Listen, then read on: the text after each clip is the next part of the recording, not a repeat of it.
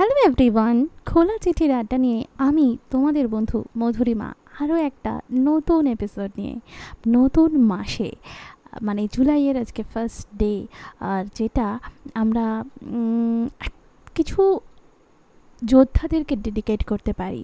সেই সমস্ত মানুষদের জন্য আজকে কিছু কথা আমার মনে তো বারবার মনে হচ্ছে, আর সেটা নিয়েই বোধহয় আজকে গল্প করব বলে হাজির হয়ে গেলাম। সঙ্গে রয়েছ তোমরা, আমি জানি। আর সেই জন্য আমি দেরি না করে শুরু করব আজকের আড্ডা। তবে আজকের আড্ডা একটু অন্যরকম হবে। মানে তোমরা প্রতিদিন যেমন অনেক অনেক জ্ঞান দিই হয়তো, অনেক কথা বলি। আজকে আমি সেই যোদ্ধাদের নিয়ে কথা বলতে চাই। আমাদের প্রতিদিনকার জীবনযুদ্ধে যারা প্রথম শ্রেণীতে রয়েছেন, সেই সমস্ত ডাক্তার বন্ধুদেরকে বলতে চাই আরও একবার। তোমরা আছো বলেই আমরা রয়েছি। তোমরা আছো বলেই আমরা সুস্থতাকে অনুভব করতে পারছি। তোমরা আছো বলেই আবারও আমরা প্রাণ ভরে নিঃশ্বাস নিতে পারছি। সত্যি তাই। একদিকে যেমন কিছু যোদ্ধা প্রাণ দিচ্ছেন আমাদেরকে ভালো রাখার জন্য, একদিকে আরও একদল যোদ্ধা, তারা জাতি, ধর্ম, বর্ণ নির্বিশেষে আমাদেরকে কিন্তু প্রত্যেক দিন এই আশ্বাস দিয়ে চলেছেন যে এই মহামারী যুদ্ধকে তারা নিজেদের উপর দিয়ে বা নিজেদের প্রাণ দিয়ে হলেও শেষ একদিন করবেনই। তাই সেই সব মানুষগুলোকে শ্রদ্ধা না জানিয়ে পারছি না। আমরা কী বা করতে পারি তাদের জন্য?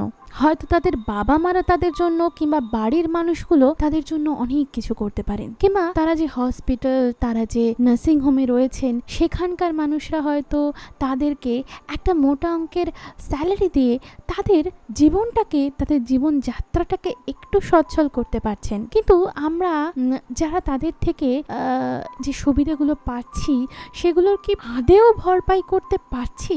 মানুষের জীবনের থেকে বড় কি আর কিছু হতে পারে? আমার তো মনে হয় না। আর তাই জন্যই আমার বারবার একটা কথাই বলতে ইচ্ছা করে যে, জীবনে আমি এটা ছোট থেকেই আমি মানি, আমার বাবাও বলতেন যে, জীবনে দুটো মানুষের বোধহয় ঋণ কখনো শোধ করা যায় না। একটা যে জন্মদাত্রী মা তোমাকে জন্ম দিচ্ছে আর একজন হলেন এই ডক্টরসরা যারা আমাদের প্রত্যেক দিন বাঁচা বা প্রত্যেক দিন যে প্রচুর অনেক অনেক মানুষ সুস্থ হচ্ছেন, বিশেষ করে এই করোনা আবহে দাঁড়িয়ে এটা তো বলতে বাধ্য হচ্ছি যে তাদের অক্লান্ত পরিশ্রম ছাড়া কিন্তু এই মহামারী আমাদের গোটা পৃথিবীকে শেষ করে দিত। সুস্থতার হার যে হারে বাড়ছে, সেদিকে তাকালে গর্ব অনুভব হয় বই কি। এই মানুষগুলোর জন্য।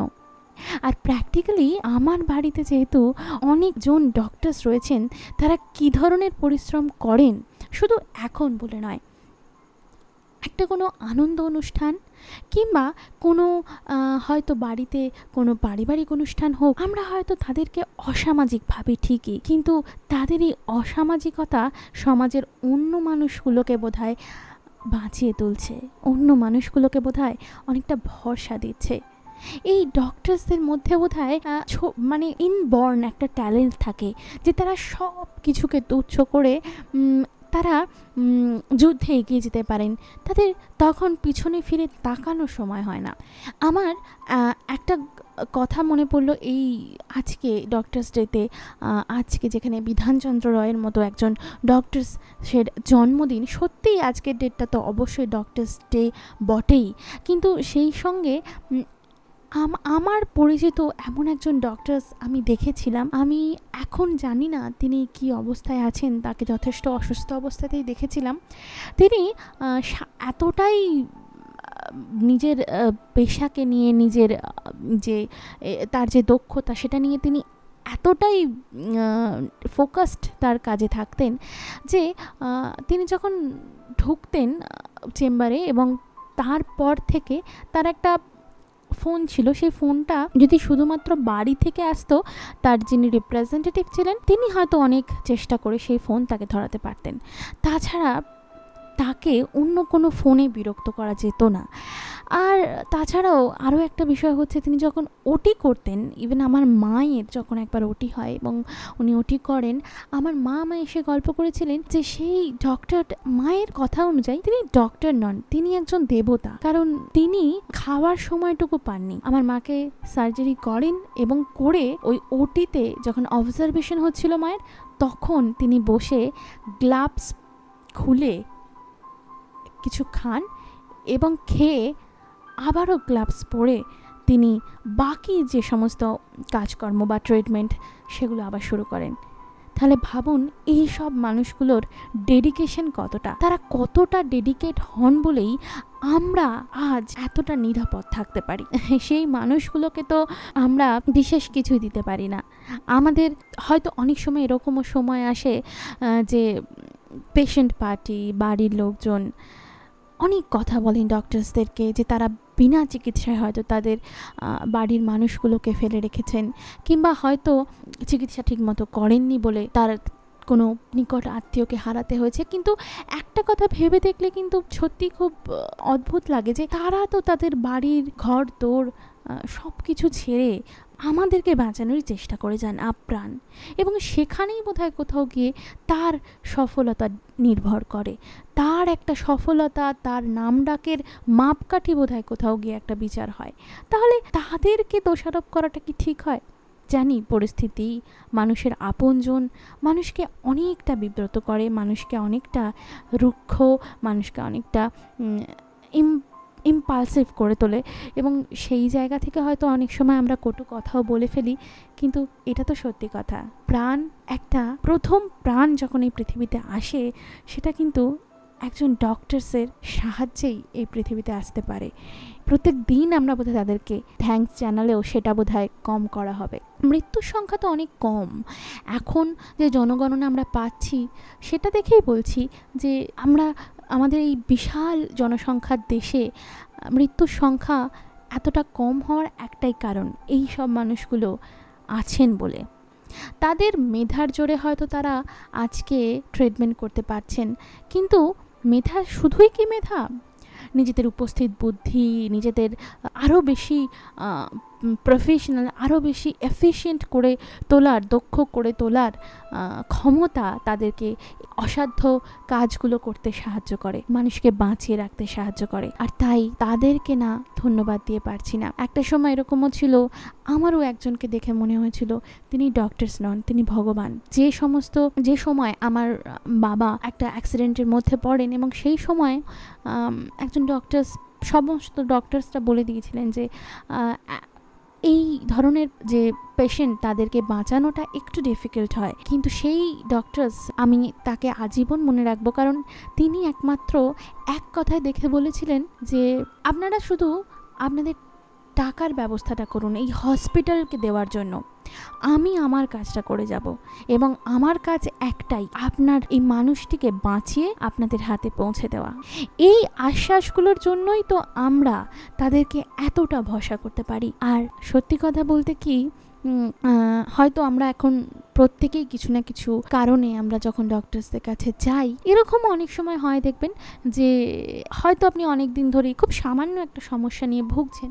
কিন্তু এমন একটা সম্পর্ক থাকে আমাদের এই আমাদের চিকিৎসকদের ওপর, তাকে দেখলেই অনেকটা সুস্থ লাগে। অনেকটা কনফিডেন্স আসে মনের মধ্যে। মনে হয় আমি অনেকটা সুস্থ হয়ে গেছি। আর এইটাই তার প্রেজেন্স এটাই তার ক্ষমতা। তার শারীরিক দৃষ্টিভঙ্গি দিয়েই তিনি অনেকটা মানুষকে সুস্থ করে দিতে পারেন। আর সেজন্যই তো আমরা বারবার কর্নিশ জানালেও তাদের যে এক অকৃত্রিম দান, সেটাকে বোধহয় আমরা ভুলতে পারব না। সেটা টাকা, পয়সা দিয়ে বিচার করাটাও বোধহয় খুব অন্যায্য হবে। আজকে ডক্টরস ডেতে তাদেরকে নিয়ে একটু কথাই না হয় বললাম। তাতে আমার মনটাও শান্ত হলো। আমি মনে হয় একসাথে আমার পরিবারের যে সমস্ত ডাক্তার, দিদি কিংবা দাদারা রয়েছেন, তাদেরকেও তাদের এই বিশেষ দিনটাতে তাদের জন্য কিছু বলতে পারলাম, যেটা হয়তো সামনে থেকে বলতে পারি না। আর তার সাথে সাথে হয়তো আমি আদার্স সমস্ত ডক্টরসকে আমার আজকের এপিসোডটা ডেডিকেট করলাম। আমার এপিসোড ডেডিকেট করা বা না করাতে হয়তো তাদের কিছু আসে যায় না, কারণ তারা তাদের কাজটা ঠিক করে যাবেনি। কিন্তু এইটুকু ভালোবাসা, এইটুকু শ্রদ্ধা, এটা বোধহয় জানানোটা আমার মনে হয়েছিল ভালো। তোমাদের কি মনে হয়? কি অপিনিয়ন তোমরা আজকে যে সমস্ত আমরা প্রত্যেকেই হয়তো কোনো না কোনো সময় হয়তো এমন কিছু কঠিন সময়ের মধ্যে পড়েছি আমাদের নিজেদের পরিবারের কারোর জন্য বা নিজেদের জন্য। তখন তোমাদের কি মনে হয়েছে যে এই ডক্টরসরা না থাকলে আমাদের কি হতো বা এই ডক্টরসরা আমাদের জন্য কি কি করেন? সেই সম্পর্কে তোমাদের কি ধারণা? তোমাদের একটা ওপিনিয়ন থাকে না? প্রত্যেকটা মানুষ তাদের প্রত্যেকটা অকুপেশন নিয়ে তোমরা আমার সাথে শেয়ার করতে পারো খোলা চিঠির আড্ডায়। তোমাদের জন্যই তো এই খোলা চিঠি আড্ডা।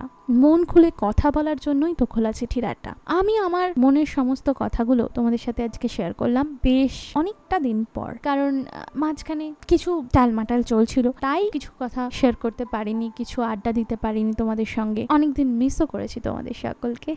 আর আজকে নতুন একটা এপিসোড নিয়ে আমার ডাক্তার বন্ধুদের, আমার ডাক্তার দাদা দিদির, আমার ডাক্তার যারা রয়েছেন সেই সমস্ত মানুষদেরকে, পৃথিবীর সব কোনায় থাকা সমস্ত ডক্টরসদের আমি ডেডিকেট করলাম। আজকের এপিসোডটা তোমরা সবাই ভালো থাকো, সুস্থ থাকো। আর তোমাদের সুস্থতার জন্যই তো আজকের দিনটা সেলিব্রেট করার দিন। আমরা সুস্থ আছি বলেই তো আজকের দিনটা তাদের নামে, সেই সমস্ত ডক্টরসদের নামে, সেই যোদ্ধাদের নামে। সবাই ভালো থাকো, সুস্থ থাকো। আগামী দিনেও এই ডক্টরসরা যেন তাদের এই যুদ্ধকে জয় করতে পারে। তাহলেই আমাদের পৃথিবীর প্রত্যেকটা মানুষ যেমন আজকে নতজানু হয়ে তাদেরকে শ্রদ্ধা জানাচ্ছে, সেই শ্রদ্ধাটা যেন কন্টিনিউ করে যেতে পারে, সেই শ্রদ্ধাটা যেন জানিয়ে যেতে পারে। এই কামনাই করি। আর যেতে যেতে আমার একটা কথাই বারবার মনে হচ্ছে যে, চিকিৎসক বা যারা নার্স যারা এই ডক্টরসদেরকে সাহায্য করেন। তারা কেউই কিন্তু যোদ্ধাদের থেকে কম কিছু যুদ্ধ করছেন না। এই মুহূর্তে দাঁড়িয়ে। তাই তাদেরকে আমার তরফ থেকে, খোলা চিঠির তরফ থেকে অনেক অনেক অনেক শুভেচ্ছা, অনেক শ্রদ্ধা। ভালো থাকবেন, সুস্থ থাকবেন, খোলা চিঠির আড্ডায় সঙ্গে থাকবেন। শুভরাত্রি।